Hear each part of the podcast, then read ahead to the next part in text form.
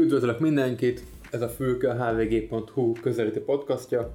Tóth Richard vagyok, és Gergely Mártonnal fogok beszélgetni az előttünk álló MSZP elnök választásról. Kis kitekintést teszünk majd az LMP felé, és ha marad idő, akkor Szávinit is szóba hozzuk.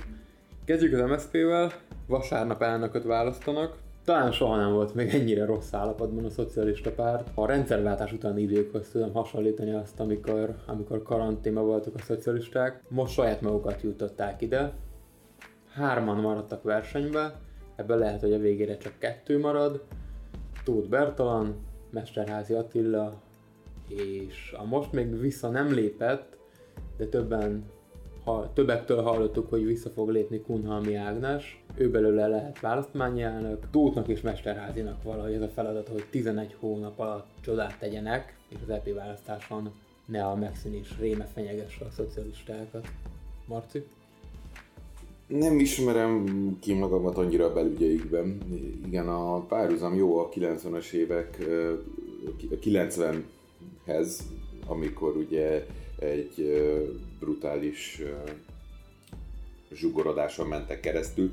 Hozzátehetjük viszont azt, hogy az abból viszonylag sikeresen és gyorsan kilábaltak. Hát kellett hozzá egy demokratikus karta, hogy abból valahogy megtalálják a kiútot, és utána a növekedésnek induljanak. Most nem látszik az, hogy hol lenne az a mentő, vagy hol lenne az a lehetőség, amivel ők ebből a gödörből kimásznak.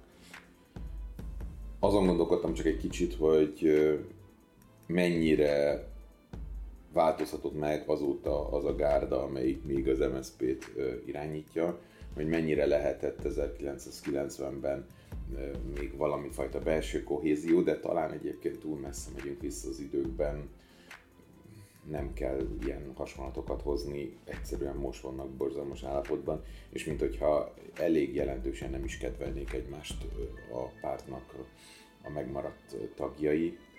Nem lehet látni, hogy hol van az utánpótlásuk, bár éppenséggel pont azok, akik küzdenek, viszonylag fiatalabbak.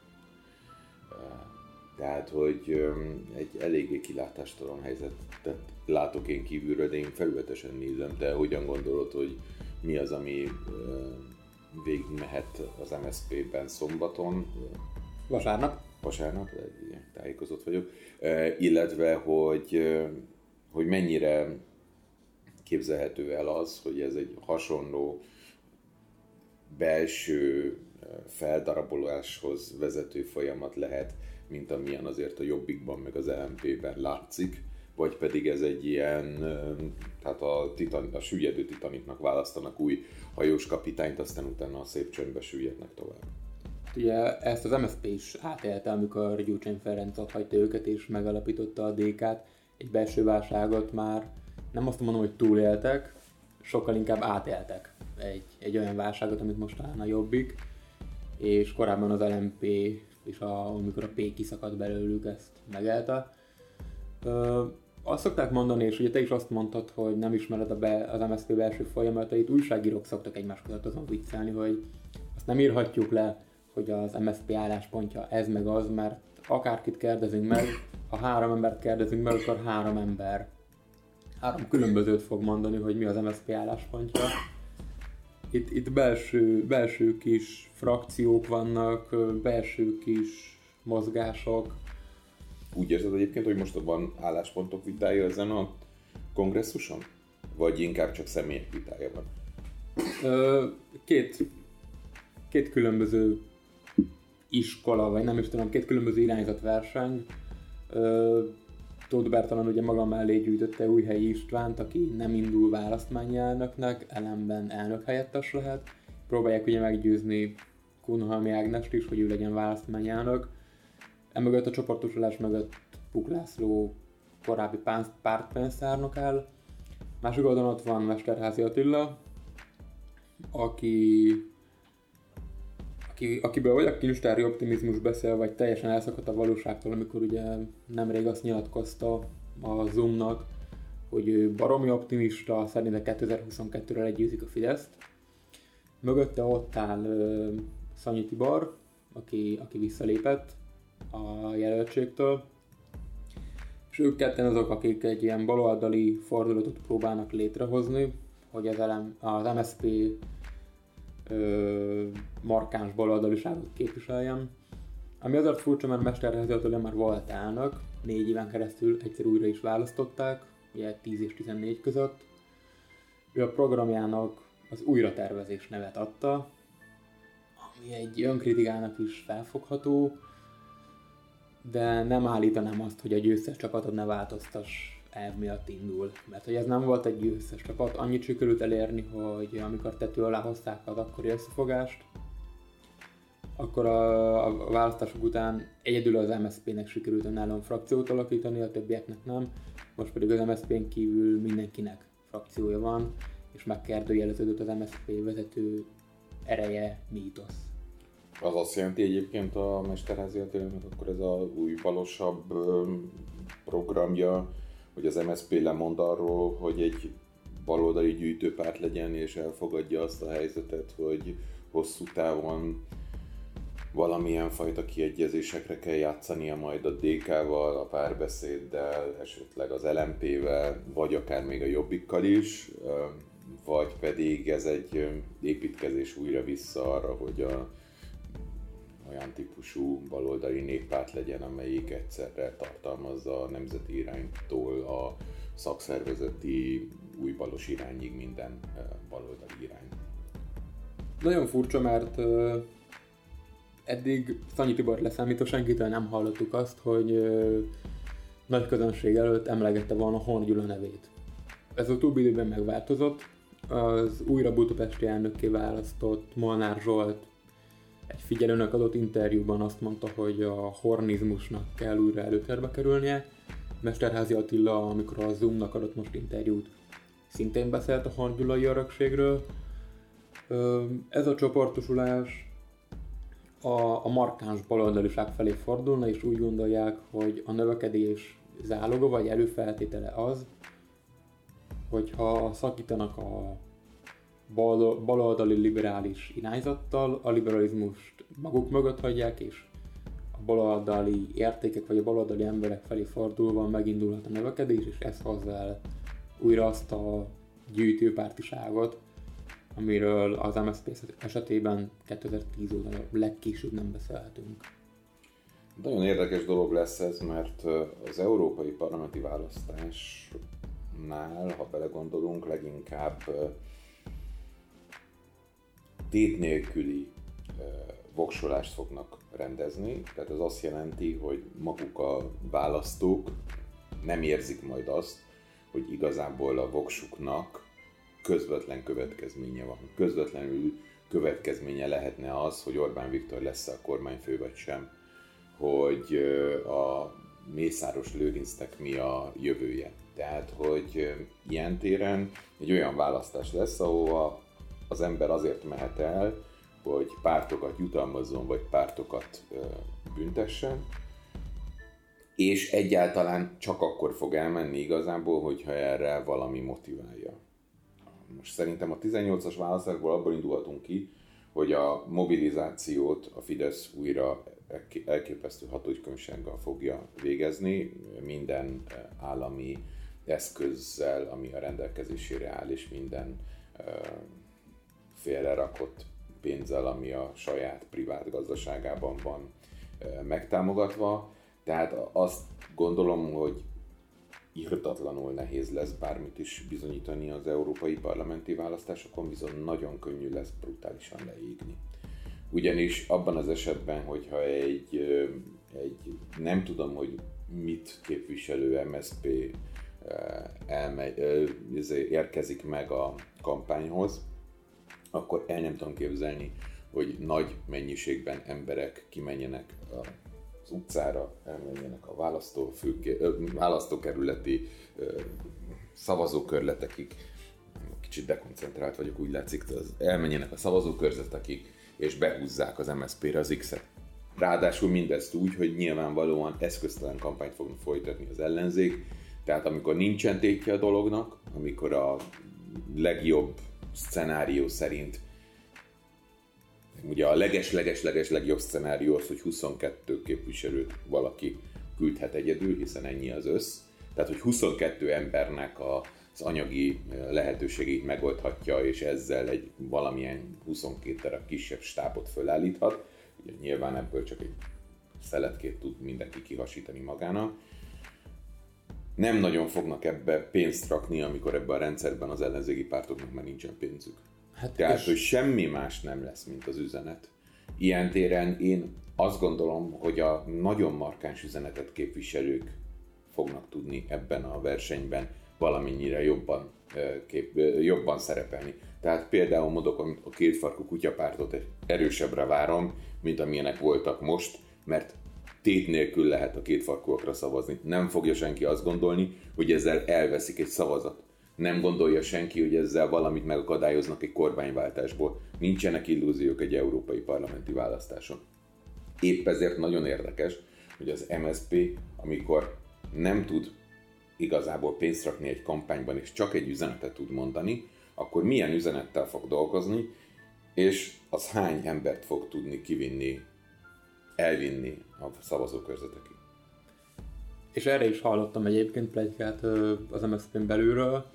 Sokan attól tartanak, most két LP e képviselőjük van kint, Szanyi Tibor és Újhely István, sokan attól tartanak, hogy ezt a szintet sem sikerül megugrani, ami azt jelenti, hogy egyetlen egy embert küldhetnek ki az Európai Parlamentbe, és a másik félelme ennek az MSZP-s politikusnak az, hogy a Momentum egy parlamenten kívüli egy protestpárt, aki egyébként nagyon könnyen tud majd európai üzeneteket megfogalmazni, lévén a szavazóbázisa elképesztően fiatal és nagyon sok Európa párti van benne, hogy a Momentum mozgalom bizony beelőzi a szocialistákat az EP választáson, azzal együtt, hogy az az ellenzéki pártoknak egy kedvező forgatókönyv az EP választás előtt, hogy nem kell egyezkedni, nincsenek közös listák, mindenki indulhat külön-külön, nem kell abba megegyezni, hogy ki a miniszterelnök előtt lévén nincsen miniszterelnök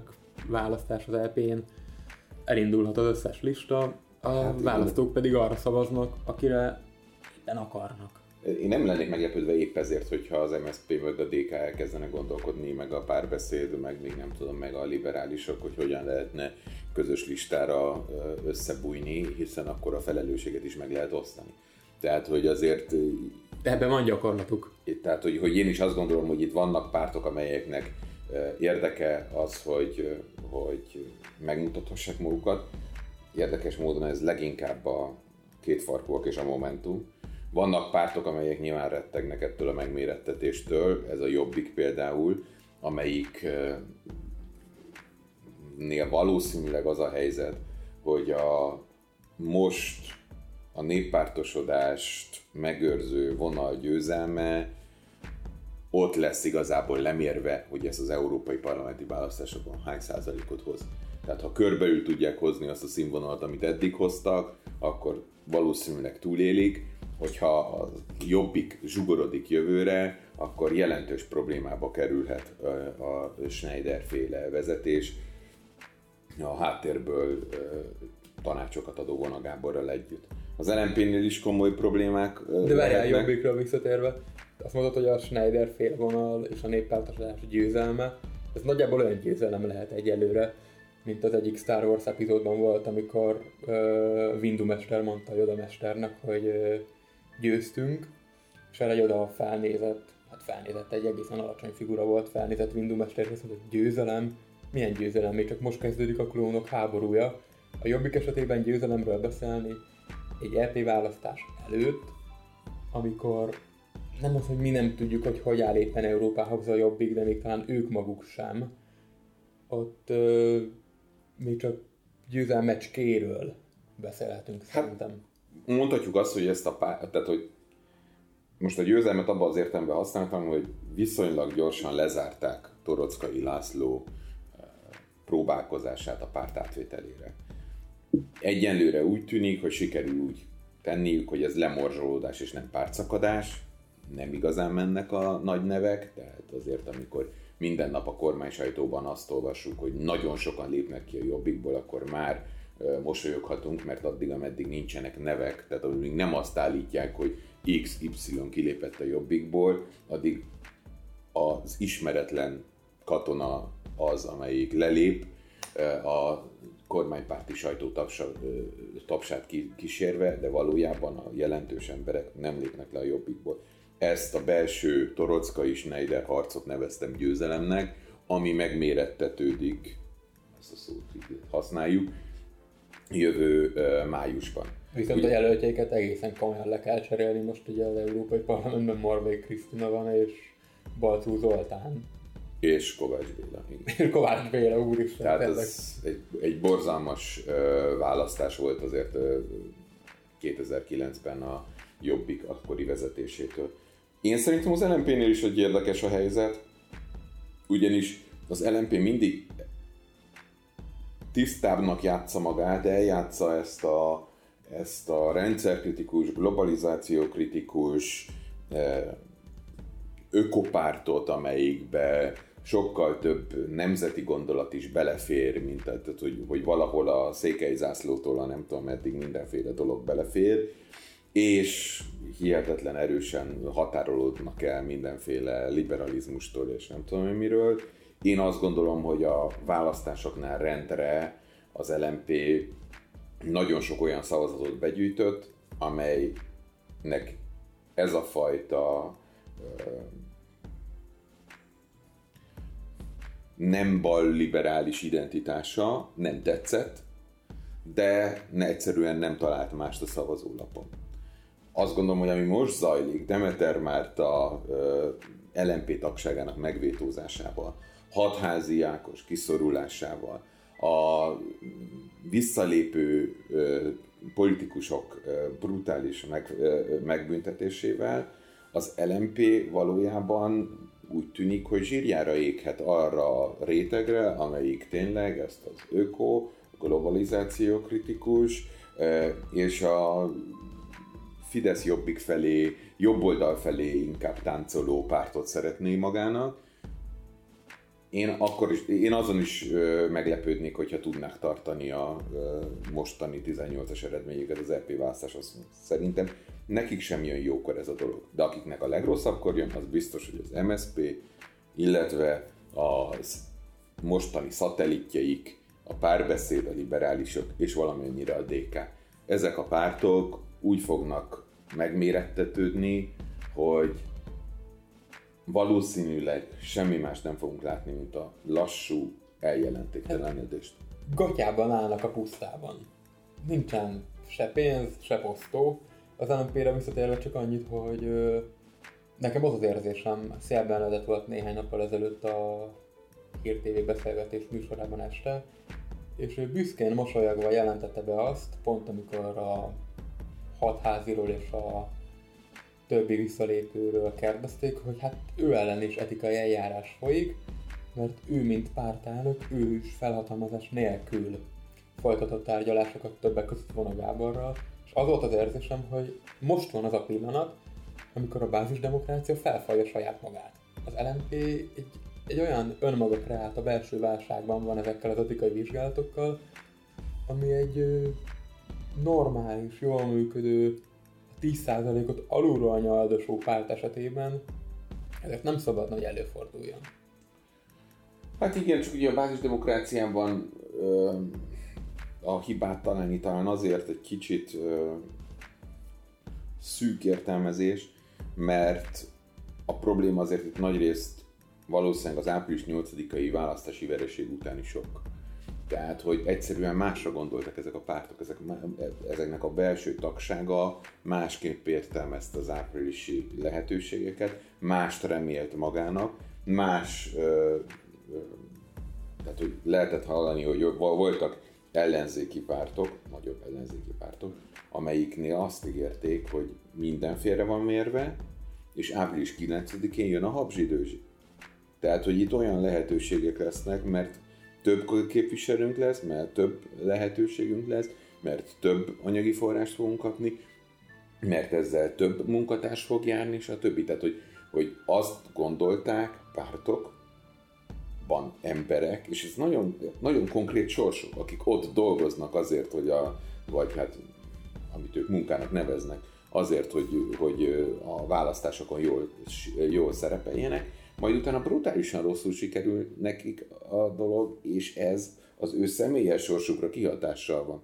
Mert nem kapják meg azt az állást, ők maguk nem tudják azt az állást megszerezni annak, akinek megígérték, stb. stb. Tehát, hogy egyszerűen az van, hogy és ugye ugyanez utána egy hihetetlen erős üzenetet küld a, a, a politikai e, iránt érdeklődő fiatalságnak, hogyha bármilyen célod volna a politikával, akkor egyetlen egy helyen tudsz érvényesülni, a Fideszben. Tehát, hogy, tehát, hogy, hogy elszárad minden utánpótlás, és ott maradnak azok, akik két hónappal ezelőtt nyilván Billy belógó kézzel, de arról álmodoztak, hogy hirtelen majd megváltozik és megjavulnak az életkörülményeik meg a feltételeik. És most megbüntetgetik egymást. Ennek lehet a következménye akkor az, hogy Demeter Márta, aki egyébként basszus, ott indult el egyéniben, bennül a parlamentben, egész egyszerűen néhány LM, helyi LMP tag nem tudom, poénkodása, vagy, vagy kicsinyes bosszúja, vagy egyébként egy ilyen happy miatt nem nyert felvételt a, az LMP-be, a saját pártjába. Ö, viszont azoknak a fiataloknak azért tegyük hozzá, akik azt hiszik, hogy most csak a Fidesznél van politikai jövő, és csak ott lehet politikai karriert építeni, hogy egy normálisan működő demokráciában, nem egy ilyen autokráciába hajló valamiben azért nem csak a Fidesznél tudnának politikai karriert építeni. Hát igen, most, most pillanatnyilag ez a... Tehát, hogy, hogy tehát ha, ha te szeretnéd a, a környezetedben változást, és ezért mondjuk önkormányzati képviselőségről gondolkodsz, vagy önkormányzatban való részvételen gondolkodsz, nyilvánvalóan brutálisan autokratikus a Fidesz, a Fideszen belül nincsen eltűrve semmiféle ellentmondás a fő kérdésekben, de nem gondolom azt, hogy mit tudom én, ha Balassa gyarmaton te a biciklis forradalmat szeretnéd elő, elő ö, ö, segíteni, akkor azt arra talán nincsen ennek az autokráciának megfelelő szabvány megoldása, amit neked Balassa gyarmaton képviselned kell. Tehát ha te Balassa gyarmaton ezért a dologért, egy szakpolitikáért akarsz küzdeni, akkor ezt a szakpolitikát kizárólag a Fideszen belül érdemes csinálnod, mert csak így szerzel posztot, és csak így szerzel annak esetleg érvényt.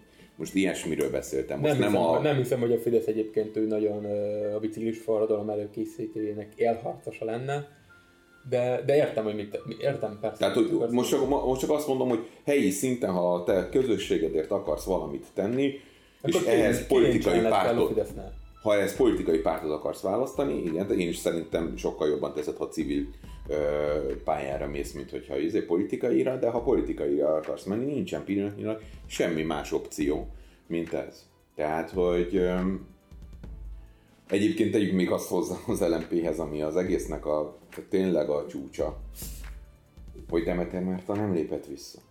Tehát Demeter Márta kőbányán, Burány Sándorral szemben kockáztatta, hogy kőbánya a Fideszé legyen. Tehát, hogy pont egy olyan képviselővel szúrnak ki, aki elvileg tartotta magát úgy a pártfegyelemhez, hogy annak a legkevesebb értelme volt. Úgyhogy nem is pártag, és a saját volt pártársa Bulány Sándor ellen elindult. Aki végül megnyerte a körzetét, de, de azért ez nem múlt sokon. Tehát, hogy, hogy tényleg de ennél plastikusabb összefoglalója szerintem a, a jelen magyar politikai ellenzéki posványnak azért nincsen. És itt kanyarodjunk rá Szálvinire. Hát csak azt, tehát lehet, hogy kihagyhatjuk valójában most már a... Most már mondd el. A, a kitekintést. Nem, nagyon érdekes ö, folyamat zajlik éppen most. Egyszerűen a, a migrációs válságon politikai tőkét kovácsolni akarók ö, száma hirtelen megugrott Nyugat-Európában, ö, és új bajnokaik vannak, elsősorban is ö, Salvini, aki voltak éppen a nem is oly titkos kormányfője Olaszországnak, azt mondják, hogy Conte is csak úgy tájékoztatókból értesül arról, hogy a belügyminisztere mit csinál, és pontosan nem tudja a belügyminisztere sem, hogy mit csinál, hiszen az Aquarius nevű hajót hagyta napokon keresztül sodródni, és megtiltotta, hogy Olaszországban partra szálljon 600 menekült. Egy később az olasz parti őrség által kimentett 900 menekültet viszont utána hagyott kikötni Szicília partjánál. Tehát, hogy egy kicsit kaotikus még, hogy pontosan hogyan is képzeli el a védekezést, viszont azt lehet látni, hogy nagyon széles gesztusokkal, a provokációt és a botrányt keresve politizál Salvini, mint aki tanult Orbán Viktortól, vagy aki tanult Donald Trumptól. Csak ugye az a nagy különbség Orbán Viktorral szemben, hogy ennek most tétje van. Orbán Viktor eddig mindig úgy volt a radikális álláspont európai képviselője, hogy egyedül neki volt igazából kormányzati helyzete hozzá. Most annyi változik, hogy Salvini az Európai Tanács színpadán is megmutathatja magát, illetve a kontén keresztül képviselteti magát. Most hirtelen az eurozóna harmadik legnagyobb nemzetgazdasága lépett erre az útra. Olyan hatalom lépett erre az útra, amely komoly meccset tud folytatni, már bele is kezdett Franciaországgal, amelyik ugye kioktatta Olaszországot, bekérették a francia nagykövet, nagykövetet kicsit egy ilyen uh, Szijjártó Péter féle külügyminisztérium képpel kezdett kibontakozni. Közben Németországban jelentős feszültségek vannak a, tehát a konzervatív párton belül, az unió pártokon belül.